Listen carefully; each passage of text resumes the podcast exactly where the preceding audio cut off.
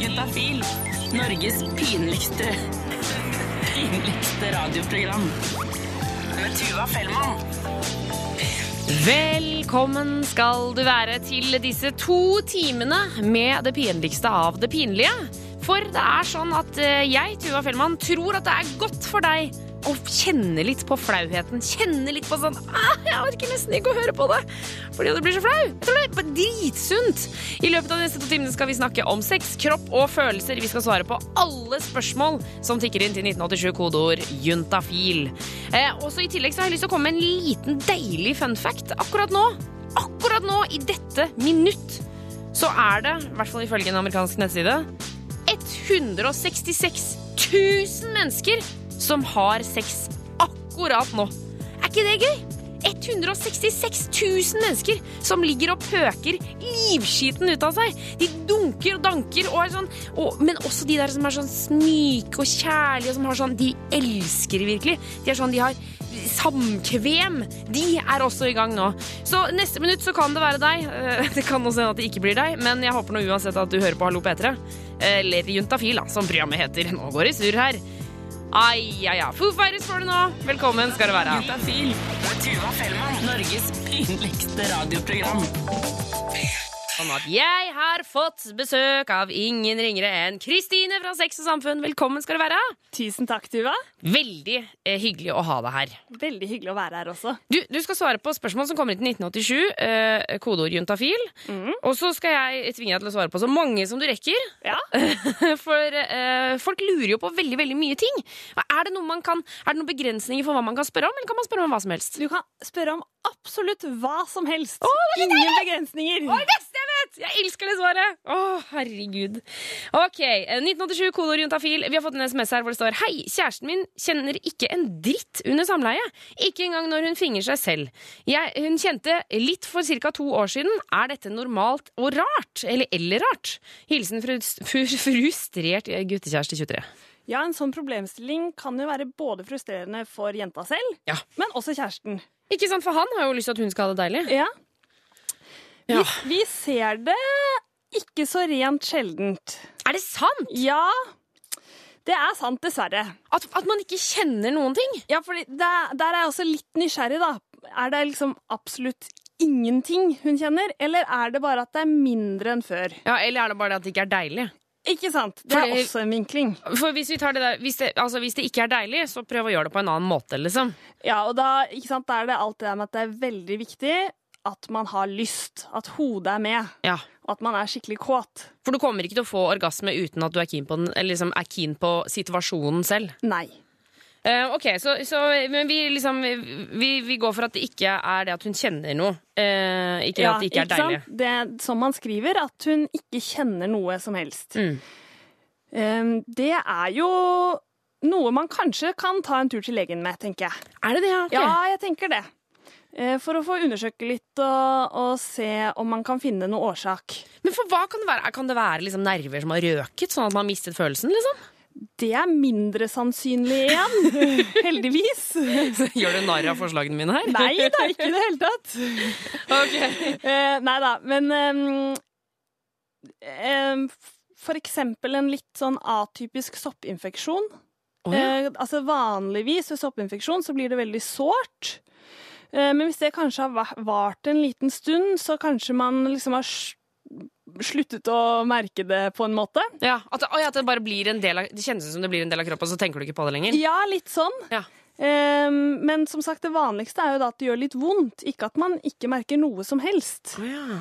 Eh, og så er det jo det er veldig fint at han tar med det at det også gjelder eh, når hun fingrer seg selv, for det er en viktig opplysning. Ja. At det også skjer når hun, hun eh, har sex med seg selv. ja, for det er litt sånn når, når folk sier at jeg, jeg får ikke orgasme med kjæresten min, jeg får det bare når jeg er alene, så mm. er det på en måte ok, men da er det i hvert fall ikke noe, liksom, da er det ikke noe eh, galt med kroppen. Men vil det si at det kan Her er det liksom hennes kropp som det er noe som det skorter på?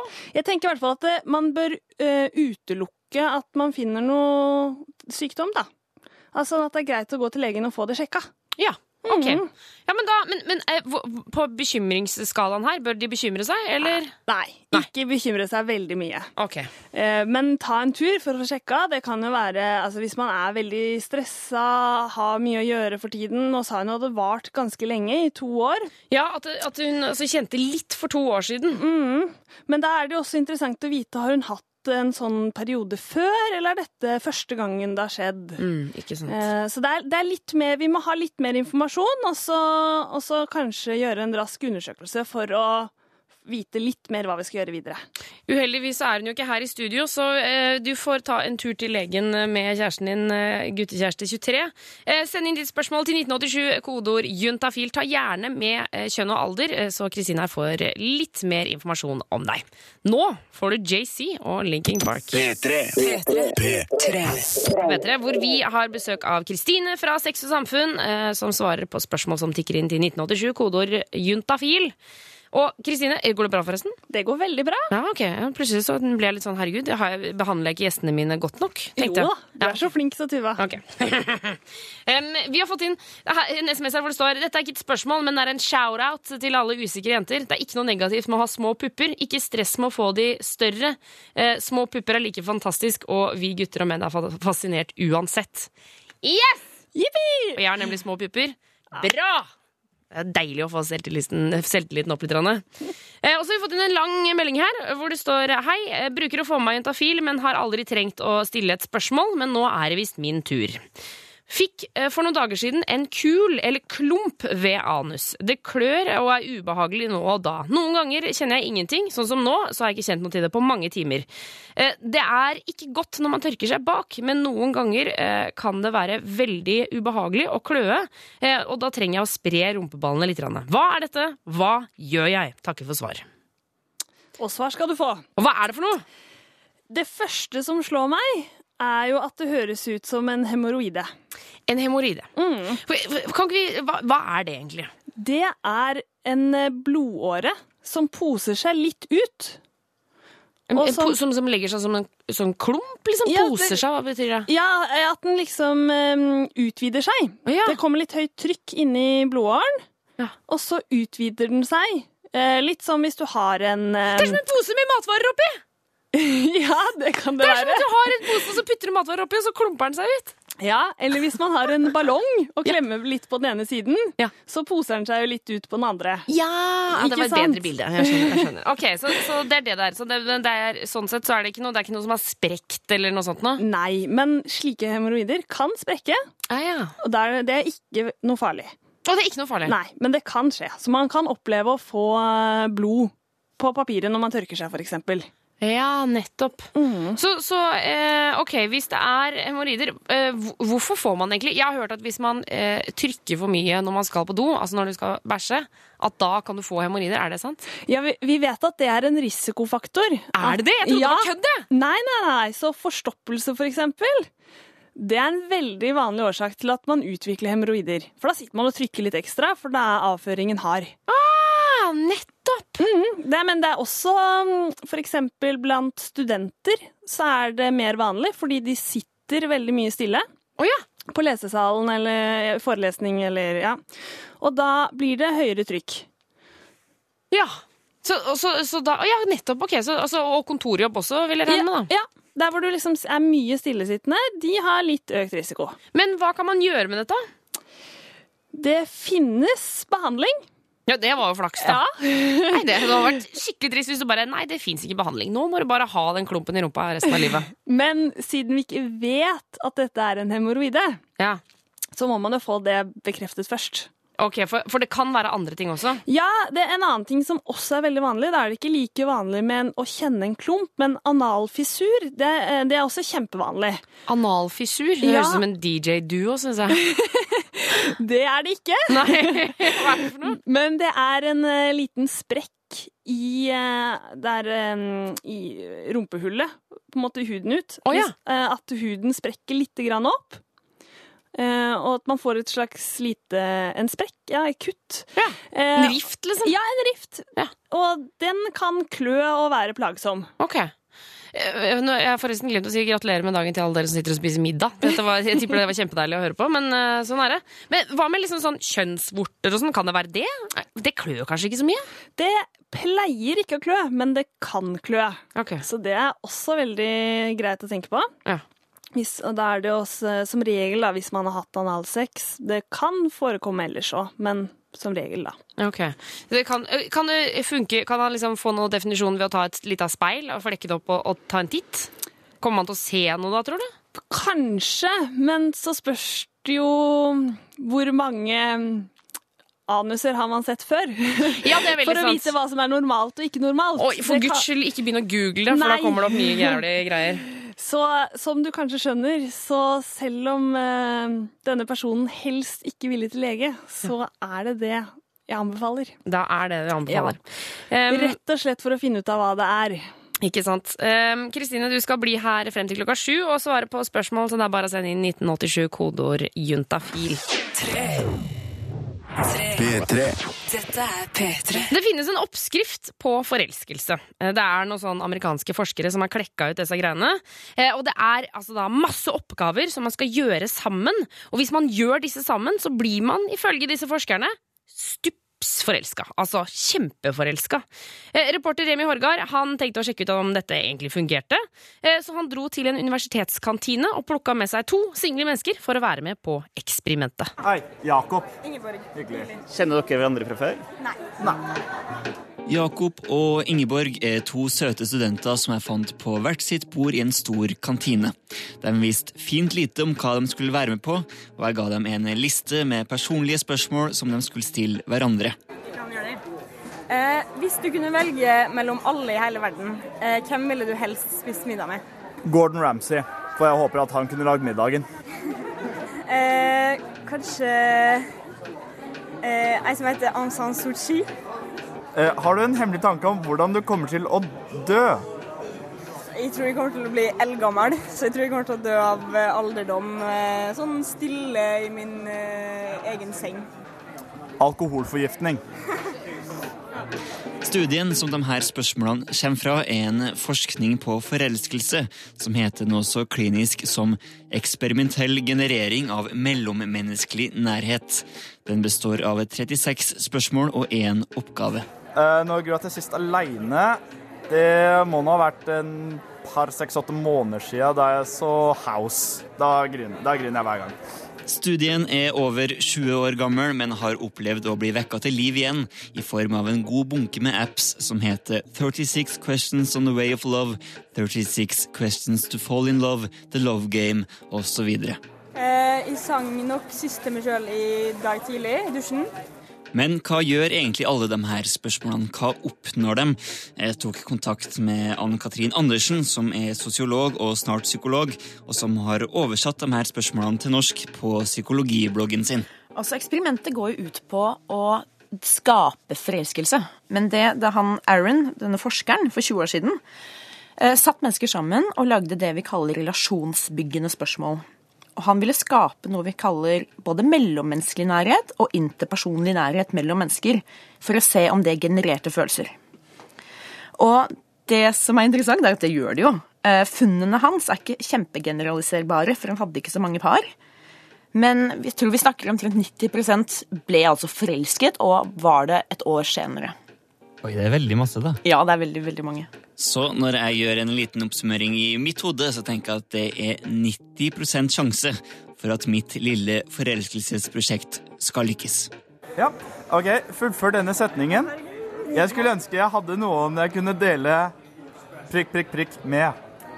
Eh, middagen med i dag. uh, livet.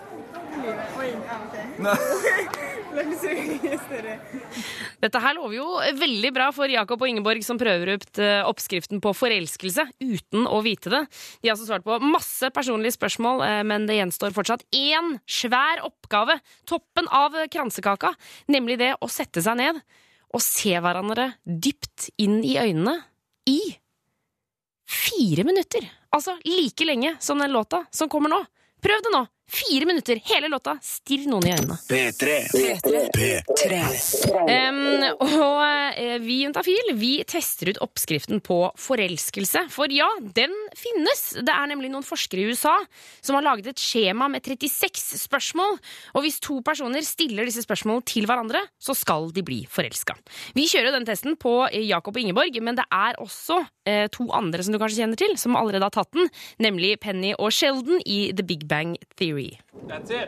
We're done with the questions. All that's left to do is stare into each other's eyes for four minutes without talking. Okay. No, wait, hang on. Bladder check. We're good to go. Ah, det er så vanskelig. I en universitetskantine sitter mine to prøvekaniner Jakob og Ingeborg, som på en liten stund har fått vite veldig mye om hverandre. Og så er det én oppgave igjen. Og de skal gjøre den samme siste øvelsen som Penny og Sheldon. Den er å se hverandre i øynene i fire minutter. Kan vi spise suppe samtidig? Men se, se på hverandre. Eh, er dere klare for det? Ja. Jeg skal ta tida, jeg, da. OK. Jeg må bare spise en feil. Da har vi starta. ok.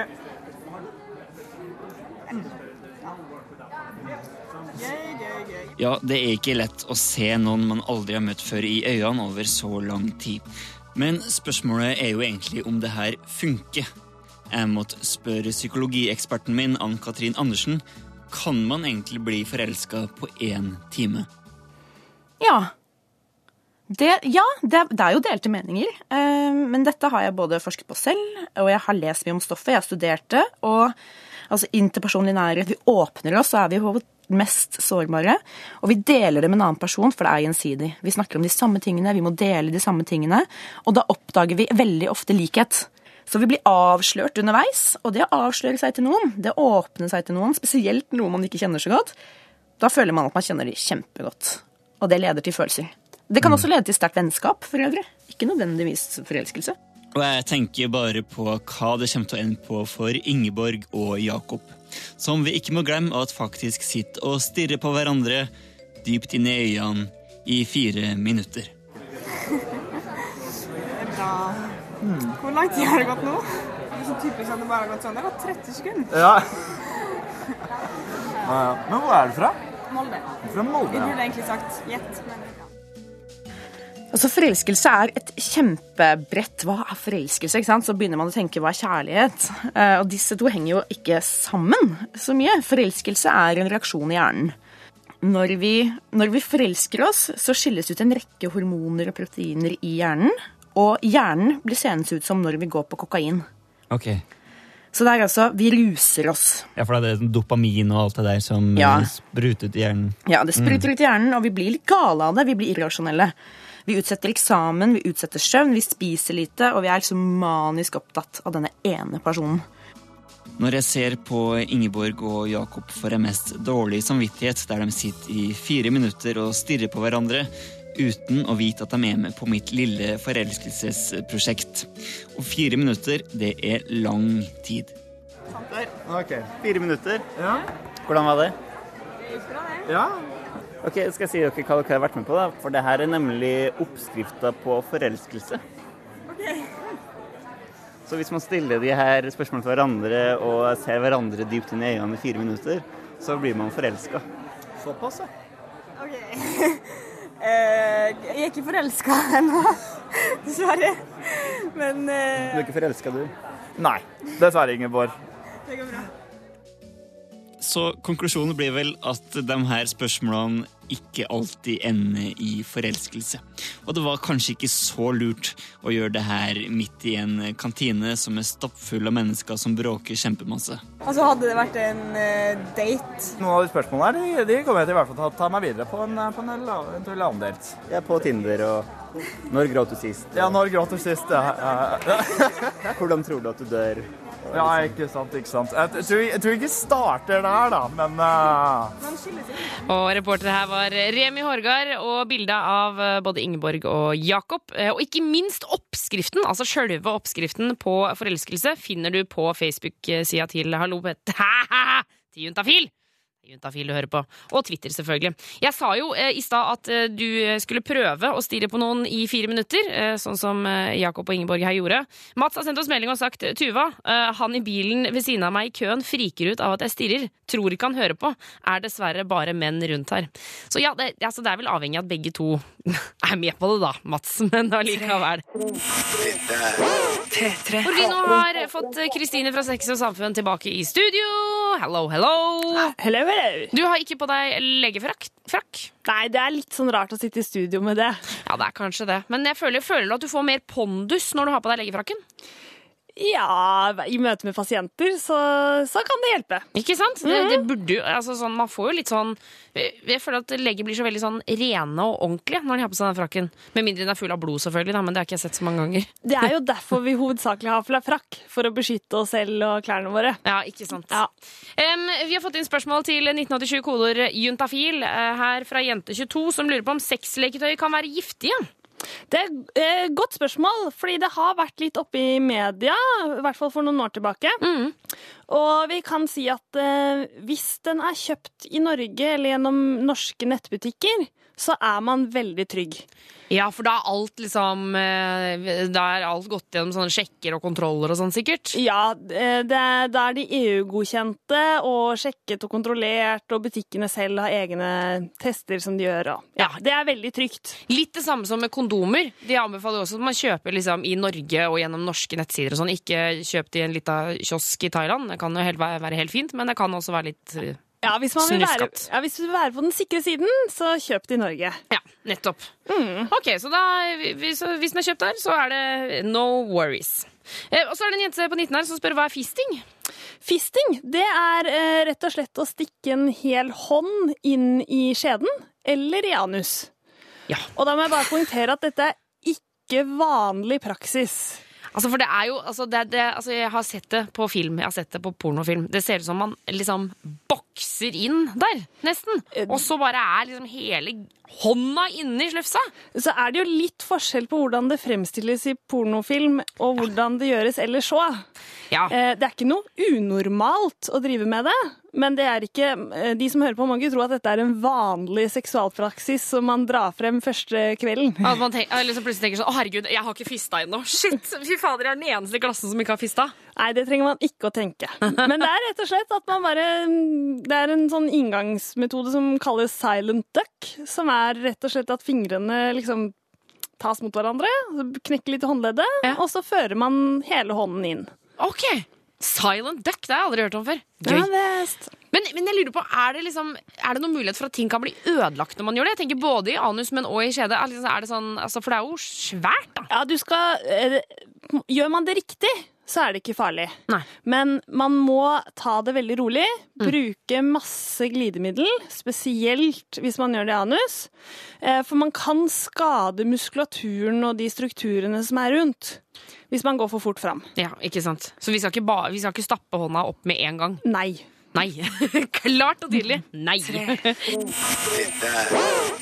Hvor vi har besøk av Kristine Ja. Fra Sex og Samfunn. To ord om Sex og Samfunn. Ja, Sex og samfunn er en klinikk som jobber med seksualitet, rett og slett. Alt som har med det å gjøre. Både prevensjon, seksuelt overbare infeksjoner og seksualitet i seg selv. Ja, sånn, altså, altså Man har samtaler og sånne ting. Dette, Ja, ja. ligger jo, dette ligger jo vel å merke i Oslo, eh, men på torsdager så får alle nyte godene av Sex og Samfunn. Jepp. Em, og det er i form av SMS-er. 1987, kodeord juntafil. Her står det Hei, jeg bruker p-ring, og så står det parentes Nuvaring, eh, og hoppet over mensen forrige runde. Men forrige uke så fikk jeg noen symptomer. Jeg fikk hodepine hver eneste dag. Dette har blitt litt bedre nå. Jeg fikk ømme bryster eh, på siden av puppene, økt appetitt og må tisse ofte. Har tatt graviditetstest, men den er negativ. Skal ta ut eh, ringen i morgen og ha mensen. Hva kan det være? Kan jeg likevel være gravid? Hilsen jente24. Først av alt, en p-ring. Ja. Oh, what is it? Det er en uh, liten gummiring som uh, man setter opp i skjeden og lar den være der i tre uker. Det høres så surrealistisk når man sier det sånn. Ja, det er egentlig ganske... En ring du stapper opp, og så skal den være der i tre Ja, uker. Den er, den er litt sånn myk, så den former seg litt etter skjeden. Ja, for det er sånn når du setter den inn, setter den inn så, så altså hvis, Den er like stor som en hårstrikke omtrent, eller noe sånt? Ja. Og så bøyer man den, og så dytter man inn, og da flopper den ut, liksom. Mm, så, så spenner den liksom ut mot veggen, da, så den sitter fast helt eh, innerst, dypest i skjeden. Ja, ok. Så, eh, men eh, denne jenta her har altså da fått eh, masse forskjellige greier. Hodepine, ømme bryster og økt appetitt og, og tissing og sånne ting. Ja. Hva, hva kan dette være? Ehm, Godt hvor- spørsmål. ja, godt spørsmål. Men hvor lenge har hun gått på P-ring, lurer jeg på. Fordi alt det hun beskriver, det kan være sånne bivirkninger, helt ufarlige bivirkninger, som man få, kan få de første tre månedene når man begynner på hormonell prevensjon. Ja. Eh, Men eh, hvis hun har gått på det lenger, så jeg tror ikke det har noe med P-ringen å gjøre. Ok, oh ja, nettopp. Fordi Hun sier også at hun har hoppet over mensen. For det er jo sånn man kan gjøre Hvis du bare har den inne, så kommer ikke mensen. liksom. Ja, eller hvis du setter inn en ny. Ja, det er det der, Fordi, ikke sant, Du skal jo ha den inne i tre uker, og så kan du velge om du vil ta den ut en uke, eh, og så få en sånn menstruasjonslignende blødning. Eller sette inn en ny ring med en gang. Og Ja. da hopper man over mensen, da, i hermetegn. Men når du sier menstruasjonslignende, er det så stor forskjell der? Ja, det er ikke noe egg. Å ja! Nettopp! Det er bare det, det er en reaksjon som, som P-ringen lager, på en måte. Ja, det er ikke noe eggceller med, og derfor er det ikke en sånn vanlig menstruasjon, da. Ok, Men, eh, men du sier at dette ikke nødvendigvis har noe med P-ringen å gjøre. Hun spør jo også om hun kan være gravid selv om hun har tatt test. Ja, hvis hun har brukt P-ringen sin riktig, altså at den har vært inne hele tiden, og i hvert fall ikke lenger ute enn tre timer av gangen, så er hun godt beskyttet mot graviditet. Og hun okay. har jo i tillegg tatt en graviditetstest um, som var negativ. Så Ja. det taler jo veldig godt for at hun ikke er gravid. Hvis den P-ringen har vært litt sånn ut og inn, hun husker ikke helt hvor lenge det har vært, og hun har hatt eh, sex uten kondom de siste 14 Altså tidl, eh, tidligere enn de siste 14 dagen, hvis du skjønner hva jeg mener? Ja, ja, ja. Ja, så må hun ha, ta en ny test når det har gått 14 dager etter siste samleie, for å være helt sikker. Nettopp. Eh, Da er det 14 dager. ok. Men, men så lenge P-ringen er brukt riktig, så er det i utgangspunktet ikke noe stress. Nei, da kan man være godt uh, sikker på at man er godt beskyttet. Ok. Men altså, jeg tenker jo også sånn at øh, jeg, For jeg får jo litt sånne ting selv. At hvis jeg får vondt et sted, så begynner jeg å tenke på det, og så får jeg gjerne vondt et annet sted. Og så begynner jeg å tenke på det, og så tenker jeg sånn Å jammen om jeg ikke er litt sulten også. Og jammen om jeg ikke har noe vondt i puppene. Kanskje jeg er gravid. At det på en måte det, det liksom baller på seg, og så tenker jeg at liksom At det på en måte ikke er helt ekte. Kan det være? Ja, det er fort det at slikt skjer. At man, eh, for når man begynner å tenke på om man har vondt noe sted, eller er litt plaget med et eller annet, så blir det ofte mye tydeligere enn hvis man ikke hadde begynt å tenke på det. Ikke sant? Eh, Så altså, hvis hun tisser, føler at hun tisser mye, svir det når hun tisser? Kan det f.eks. være en urinveisinfeksjon? Oh ja, Men kan man få emme brister av det? Nei, det passer ikke helt, og det passer heller ikke med hodepine. Nei, ok. Ehm, ja. Ok, men så Hvis vi skal oppsummere her, så eh, mest sannsynlig så har det ikke noe med altså Så lenge hun har gått på disse, eh, denne P-ringen eh, mer enn tre måneder, så har det ikke noe med P-ringen å gjøre. Hvis hun har gått på under tre måneder, så kan det bare være vanlige symptomer. liksom. ja, og da vil det gå over av seg selv. Ja, nettopp. Og, og graviditet mest sannsynlig ikke hvis det er brukt riktig. Nei. Hvis hun har brukt eh, ringen sin riktig, så kan hun være trygg på den. Ok. Jeg har fått besøk. Om jeg har fått besøk. Fordi vanligvis så pleier jo vi å eh, ta tak i enkeltpersoner og virkelig vri de liksom ut og inn. Og, og tvinne de for informasjon om sex, kropp og følelser. Men i dag så tenkte jeg vi skulle spille litt sånn lagaktige. Vi har nå fått besøk av to kjærestepar. Det er Katrine og Mikael, og det er Thea og Olav. Dagens kjærestepanel. Velkommen skal dere være. Tusen takk. Det er eh, to veldig søte par. Um, vi starter med eh, Katrine og Mikael. Kan ikke dere fortelle, Hvor lenge har dere vært sammen? Uh, tre og et halvt år. Fire år til sommeren. Oi, Så det er ganske lenge, da. Ja. Ok, Uh, Og uh, Mikael, hvordan var det dere traff hverandre? Jo, vi har mye felles venner, så vi var på mye arrangement, og så ja, har vi vel bestandig, mens vi var sammen, litt, hengt litt sammen på de arrangementene, da. Og så Sånn, sånn vi står sammen på konserten-aktig, Ja, ja, liksom? ja. Ja, ja, Og så var det til at hun og ei venninne av henne skulle ligge over i leiligheta som jeg brukte når vi var på en av de arrangementene, og så Da var det major move. Ja. Eller det var hun som gjorde det, faktisk. Å ja, for det var du som eh, gjorde trekket? Ja, på en måte. Eh, Det som skjedde, var jo det at vi tre satt oss opp på film, da. Og så dro han meg litt sånn på fanget, og så satt vi liksom eh, med fjes, ansiktene mot hverandre, da. Og så, var, så gjorde han ikke noe mer. Og oh, ja. da ble det jo utrolig kleint for begge to. Veldig smooth fyr. og da fant jeg ut at eh, bare fuck it, jeg må jo bare. Og så, ja. Så, så, så hva da? Så klina dere, liksom? Ja. Ja, ok. Det var ikke sånn at du bare så bare kledde jeg meg i alle klærne på en gang, og så starta vi, liksom? Det var senere. Ja, ok. Um, vi har også besøk av Thea og Olav. Hvor lenge har dere vært sammen? Eh, det begynner å nærme seg fem år nå. Fem? Hæ? Dere er enda lenger? ja. Å, herregud! Men ok, eh, Olav, blir dere, blir dere lei av hverandre? Ja. Nei, Nei da blir ikke det bare tull. Det er bare tull. Ja. Hvordan traf, hvordan traff dere hverandre? Eh, vi gikk i samme klasse på videregående. Å, dere er sånn high school sweethearts. Mm. Oh, oh, Olav lager sånn fjes sånn Å, ikke si det! ok, så hvordan var det dere ble sammen, da? Eh, vi hadde nettopp fått uh, ny familiehund, og så sa jeg at jeg kunne vise den. Å ja. Mm. Og du brukte valpen Jeg som brukte liksom det søte Og det funka. Funka som ei kule. Oh, Falt du pladask? Uh, jeg hadde egentlig gjort det før, fordi han var alltid veldig morsom. Men jeg så ikke for meg han som et sånt alternativ, egentlig. Oh, ja. Men så var han med i revybandet på skolen og spilte trommer. Og da ble jeg litt betatt. Så Men- da han kom med den valpen i tillegg, så var jeg, var jeg solgt. Herregud, når det er musikk og valp, Ja. det er jo altså Hvem faller ikke for det? Men eh, Olav, hvordan var det for deg? Altså, når ble du betatt av Thea? Uh... Ja, for jeg, hvis du sier at du ikke er betatt nå, så blir det veldig rart. hvis du er sånn Nei, jeg liker henne egentlig ikke. Nei, det var vel eh, Det var vel rundt uh, der en eller annen gang. Jeg tror jeg hadde kyssa før jeg viste deg valpen. Ja. Ja, det hadde vi. Ja, det var det. Ja, vi skal grave mer i forholdene deres, folkens. P3. P3. Du hører på Juntafil, eh, hvor vi har eh, rett og slett invitert to kjærestepar inn i studio. Det er Katrine og Mikael og Thea og Olav. Har vært sammen skrekkelig lenge, alle fire, holdt jeg på å si. Ikke i en sånn kjempekollektivt eh, forhold, men hver for seg. Eh, henholdsvis eh, fire og fem år. Men jeg lurer på, jeg har glemt å spørre hvor gamle dere er. Eh, Katrine, hvor gamle er dere? Eh, 19. 19? Og 24. 19 og 24.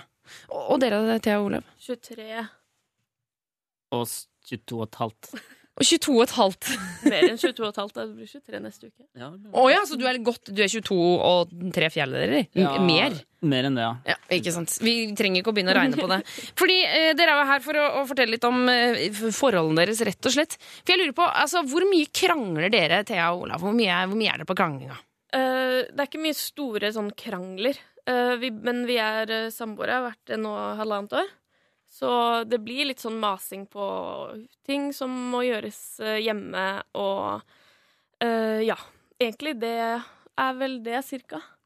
Jeg tror Thea står for mesteparten av diskusjonen, da. Jeg er litt mer konfliktsky, kanskje. Å ja, så, så hvordan er det når hun blir forbanna, da? Når hun blir sint på deg, liksom?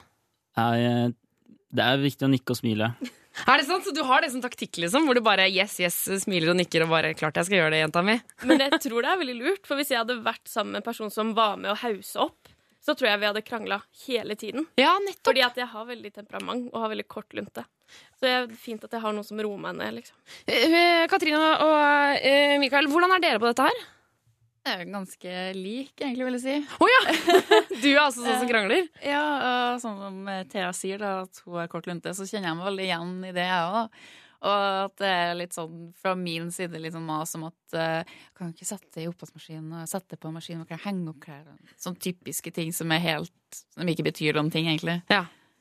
Men uh, uh, Mikael, hvor, liksom, hvor lang tid kan det være murring mellom dere to? Nei, ikke noe lenge. Jeg liker ikke at det blir sånn, så da, da må jeg finne på noe for å ordne opp. Og Hva, hva gjør du da? Nei, da må jeg gå bort og kose litt, da, eller ja. Sette inn i oppvaskmaskinen jækla fort. Hvis jeg er sint skjønner du, og blir eh, Og, eh, og når han roer seg ned igjen, så blir han lei seg, da, for da han har vært sint på meg. Så da Ja. må vi kose litt. Oh, ja, så da står du med åpne armer og sier sånn Ja, men det går bra, Ja, jenta det er mi. ikke noe farlig. Jeg er ikke noe sinna, liksom. Ok, nettopp. Um, uh, jeg lurer jo litt på hvordan det er uh, dette når man kommuniserer uh, og det er snakk om sex. Det syns jo jeg er veldig spennende som programleder i Juntafil. Um, hvor mye liksom snakker dere om det å snakke om sex? Hvis du skjønner hva jeg mener, fra et metaperspektiv, Katrine? Jeg vet ikke. Jeg vil egentlig si at vi snakker om sex sånn litt hver Kanskje litt hver dag, men ikke sånn eh, at vi sier sånn at eh, Vi ikke, syns jo ikke det er spesielt tabu. Nei. Det Og for dere er sånn som, som dere er helt åpne å, å snakke om sex? Ja, Liksom. ganske sånn laid back, og det er ikke noe Det er ikke noen ting som er egentlig skummelt innenfor det. Men hva var siste sexsamtalen dere hadde? da? Husker dere den? Nei Og det var personlig, kjente jeg. Men, eh, Nei, det kan ikke jeg komme på. eh, eh, Thea og Olav, hvor, hvor mye snakker dere om sex? Ikke daglig, tror jeg. Det, da legger du mye betydning i ting jeg ikke har fått med meg. Men eh, vi snakker jo om hvis det er noe en har lyst til å prøve ut, så kommuniserer vi det. Om det er ved å bare prøve det, hvis det ikke er et veldig stort overtramp, på en måte, så er det jo bare å prøve. Du trenger ikke å spørre om alt. Eh, men eh, ja, altså, vi vet ikke uh, hvordan vi gjør det, egentlig. Nei, det faller seg litt naturlig, egentlig. da. Det er på en måte Kanskje ikke helt på nivå med å ta ut oppvaskmaskinen, men eh, det går ganske greit å prate om det. da. Um, vi skal snakke litt mer med dere om hva man faktisk må spørre om. Som du sier, ja. Er det liksom noen ting som du kan bare teste ut, eller er det noen som er helt obligatorisk å ta en prat om først? Og hva skjer hvis man da egentlig får et nei når man foreslår noe, noe nytt i senga? P3. P3. Det er Katrine og Mikael og Thea og Olav. Og nå skal vi snakke om det som er det mest vriene i forhold. Syns i hvert fall jeg kanskje av og til. Sier kanskje litt mer om mitt forhold enn deres. Men eh, hvordan man på en måte skal gå frem eh, når det er snakk om sex. For jeg lurer på, er det noe eh, Vi snakket så vidt innom det i stad. Ting som man kan gjøre bare å gjøre, og så er det ting man må spørre om. Hva er det man må spørre om før man bare hiver seg ut i det? Eh, jeg mener at sånn for eksempel ulike stillinger, da, at det er sånn man bare kan ta på sparket. Eh, det trenger man ikke å spørre om nødvendigvis på forhånd. Om, eh, ja, men eh, det er enkelte ting Jeg vet ikke hvordan jeg Uten å være Åh, det er som, det er, Kjør på. Ja, okay. Det, ja, men en del sånn fetisjer og sånn som kanskje ikke er helt det alle forventer av sex. Da Da er det kanskje greit å sette seg ned og snakke om det på forhånd. Type Sånn- Snakker vi liksom lakk og lær, eller er vi på Ja, for eksempel. Ja, okay. da, er, da hadde i hvert fall jeg foretrukket å bli spurt før eh, Ola bare kom inn i lærerantrekket og forventa at jeg skulle være helt med på det. Jeg skulle til å si at Det er jo litt vanskelig å plutselig prøve, og det er ikke sånn at han bare dukker opp med det. Ja, Sprette inn med en sånn jimpsuit. eh, Men eh, Katrine og Mikael, har, dere liksom, eh, har, har det vært noe, på en måte, noen forslagsrunde hos dere til ting man skal prøve? Vi har det. Nei, vi gjør bare det vi føler. for. si?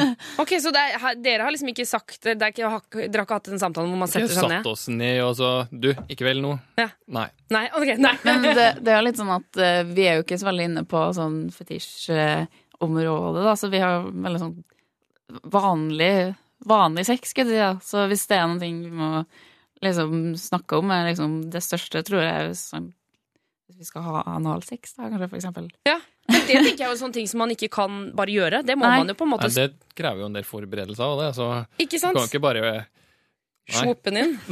Det går ikke. Da blir det dårlig stemning i heimen, vet du. Um, eh, Olav, har du noen gang eh, kom, liksom, Er det ting som du har hatt lyst til å foreslå, men som du kanskje ikke tør å foreslå? Nei, jeg tror jeg har, fores jeg har foreslått uh, det jeg har lyst til å prøve. Ja. Hva, hva er det du har liksom lagt på bordet av forslag? Uh, jeg foreslo en sånn Kamasutra uh, Det var liksom en slags saks, på en måte. I sexstilling, liksom? Ja, en sexstilling. Eh, men jeg var så slitsom. Å ja. Og fysisk. Fysisk slitsom. Okay. Da var det ikke verdt det. Thea, har du noen gang foreslått noe og fått nei? Eh, nei. Det tror jeg ikke jeg har. Ikke som jeg kom på, i hvert fall. Da må det være lenge siden. Uh, så ikke Nei. Ikke sånn at jeg kan huske det og har sånn at jeg er redd for å foreslå noe nå fordi at jeg har fått nei en gang. Så det kan ikke ha vært noe viktig. i Nei. så fall. For meg. Katrine og eh, Mikael, hva med dere? Har det aldri, det har aldri vært noe nei i, hjemme hos dere? Eh, jo. Å ja? Jeg vet ikke om jeg skal si det, men jeg har jo faktisk foreslått at vi skulle ha hatt med en til, da. Men jeg vet ikke om han tok det så veldig seriøst, men han sa i hvert fall nei. Fordi eh, jeg er jo altså bifil, da. Ja. Så for min del å ha med Det kunne jo vært gøy å prøve, tenker jeg da. Med en jente til, liksom? Ja.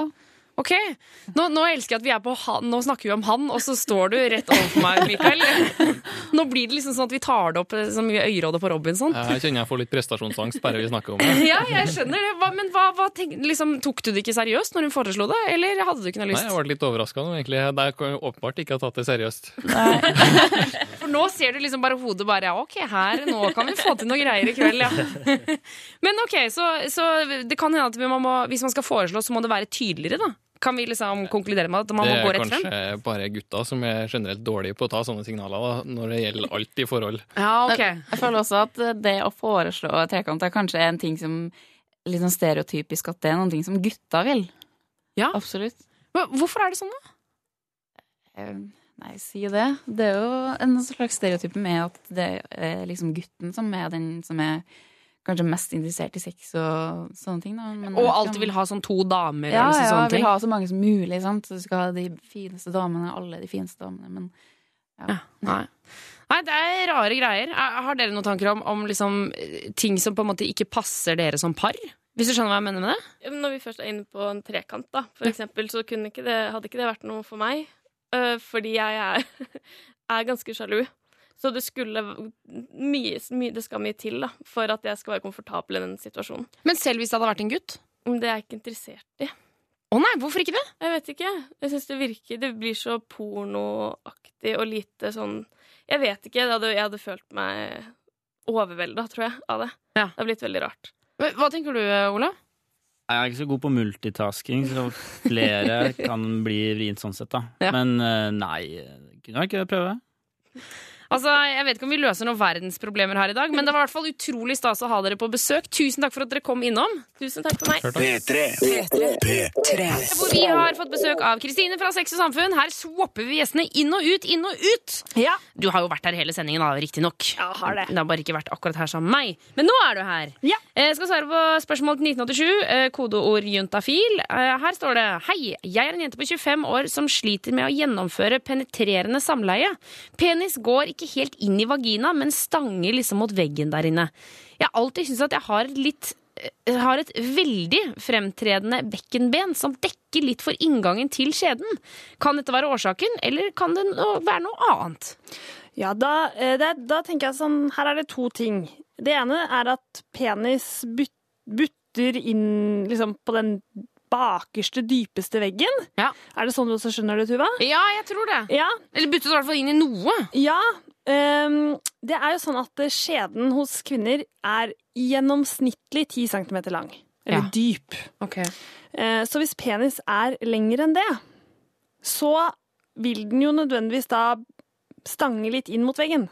Ja, oh ja, nettopp. Så, så det, det er ikke mer enn 10 cm. Men jeg trodde den liksom utvida seg og ble som en sånn lang, mørk tunnel. Ja.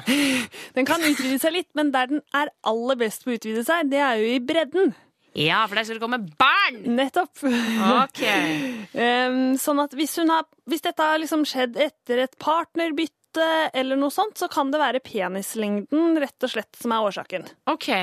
Men hvis hun på en måte Fordi hun sier jo altså, at altså, penis går liksom ikke helt inn hvis det, hvis det er mye kortere, kan det være det at det liksom, den bare kommer en centimeter inn? Kan hun være for trang, er det jeg lurer på? Ja, fordi det er jo det andre hun tar opp. At hun syns hun har hatt sånn fremtredende bekkenben. Og da eh, regner jeg med at hun mener det benet som er på en måte over skjedeinngangen. Det som vi kaller eh, symfysebenet. Symfysebenet? Er det Ja. det samme som det som man kaller for skambenet? Helt riktig. Jeg skjønner men ikke hvorfor det skal hete skambenet. Det er så stygt ord. Det er så dårlig navn. Ja, virkelig. Det blir jeg sint av. Ja, men symfysen, eh, det, det er den som Hvis du begynner på navlen, Mm. og så klemmer deg nedover magen, så er det liksom symfysen du kommer til når du er nærmer deg underlivet, da. Ja. Så hvis Eh. man har et fremtredende symfysebein, kan det ha noe å si for hvordan eh, vaginaen er inni? Ikke hvordan det er inni, men det kan jo kanskje ha noe med åpningen å gjøre. Men da for det første så vil det jo alltid ha vært sånn. Dette kan ikke være noe nytt som har kommet. Eh, og så vil det jo da være veldig stillingsavhengig. Å ja, for eksempel hvis du har eh, bakfra. Det kan for eksempel være enklere. Ja! For da er jo ikke det beinet der, liksom. Nei. Så da gjelder det bare å prøve seg litt fram og se om eh, det er noen stillinger hvor det går mye bedre enn andre. Ja, ikke sant. Ok, så vi, la oss idédrodle litt over hvilke stillinger det kan være, da. Altså bakfra, tenker jeg. Ja, det er fordi den vanlige misjonæren, da kan man jo tenke i hvert fall hvis eh, penis til partner eh, vipper litt oppover. Det er jo veldig vanlig at den står litt sånn skrått oppover. Ja.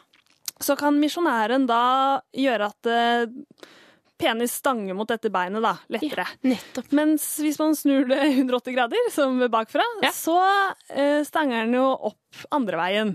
Og der er det mye mykere. Og også hvis man ligger på siden, altså sånn spuning, da Ja. vil det jo funke. Ja, det vil også k kanskje kunne gå, da. Da foreslår jeg at vi, vi har det vi, vi, Tips til deg, jente 25. At prøv, prøv deg litt frem på andre stillinger, hvor det er liksom litt mer rett på tilgang til vagina. Ja. Eh, og så, hvis ikke det funker, så er det, er det en tur til legen, eller? I hvert fall hvis det er noe nyoppstått. Hvis dette kom plutselig. Ikke sant. Vi har fortsatt besøk av Kristine fra Sex og Samfunn, som skal svare på dette spørsmålet som har kommet til 1987. Kodeord juntafil. Er du klar? Ja. Hei. Jente på 15 år her eh, som ikke vet hva jeg skal eh, bruke til å barbere underlivet med, eh, kan kan gjerne få vite hvor jeg kan kjøpe høvler og eventuelt andre ting. Takk for hjelp. Dette gjør meg ganske usikker på meg selv når jeg ikke får barbert meg der nede. Man får kjøpt høvler på omtrent alle dagligvarehandler, som Kiwi, Rema 1000, Meny, slike butikker. Og så kan man også kjøpe um, barber, sånn barbergelé for underlivet på de samme butikkene. Å ja, nettopp. Så da det kjøper man på matbutikken. Hva må hun huske på når hun skal gjøre dette her? Hun må huske på at eh, bladet må være skarpt. Så man må ha et nytt blad, ikke brukt veldig mange ganger før, men man kan bruke samme høvelen flere ganger. Og så må den være ren. Ok, Skylle den i varmt vann, for eksempel? Yes. Ok. Og så må gjerne skylle over huden som skal barberes på forhånd, og bløtgjøre hårene litt, grann, i dusjen f.eks. eh, kan godt vaske med såpe på huden der hvor det er hår, men ikke ellers i underlivet. Ok. Og så det kanskje det aller viktigste, i tillegg til ren høvel, barbere med hårenes retning. Ikke mot. Ikke mot. Okay. Med hårene. Og, og eh, her er det også et av de eh, stedene i livet hvor det er verdt å bruke penger på en eh, høvel som koster penger. Ikke kjøpe de billige som man finner på liksom, sånn skranglebutikker der hvor du kjøper liksom 20 barberhøvler i en sånn svær plastpose. Nei, man, kan, man kan prøve seg litt fram, og kanskje mm, noen venninner har noen tips på hva de bruker. Ja, ok. Ok, men da, da vet vi det. Dette fins på dagligvarebutikken. Og så kjøp med noe gelé eller noe sånt nå, da. Det kan man gjøre. Men man kan også bruke bare vann. Ja, ok, Så det, så det er helt innafor å bare bruke vann? Ja, men du må passe på at det glir godt. Så At det ikke napper? ja, det enkleste er kanskje å bruke sånn gelé som er um, lagd for å brukes i underlivet. Ok. Eh, Kristine, tusen takk for at du kom innom eh, Juntafil i dag. Bare hyggelig, Tuva. Hør flere podkaster på nrk.no podkast. P3.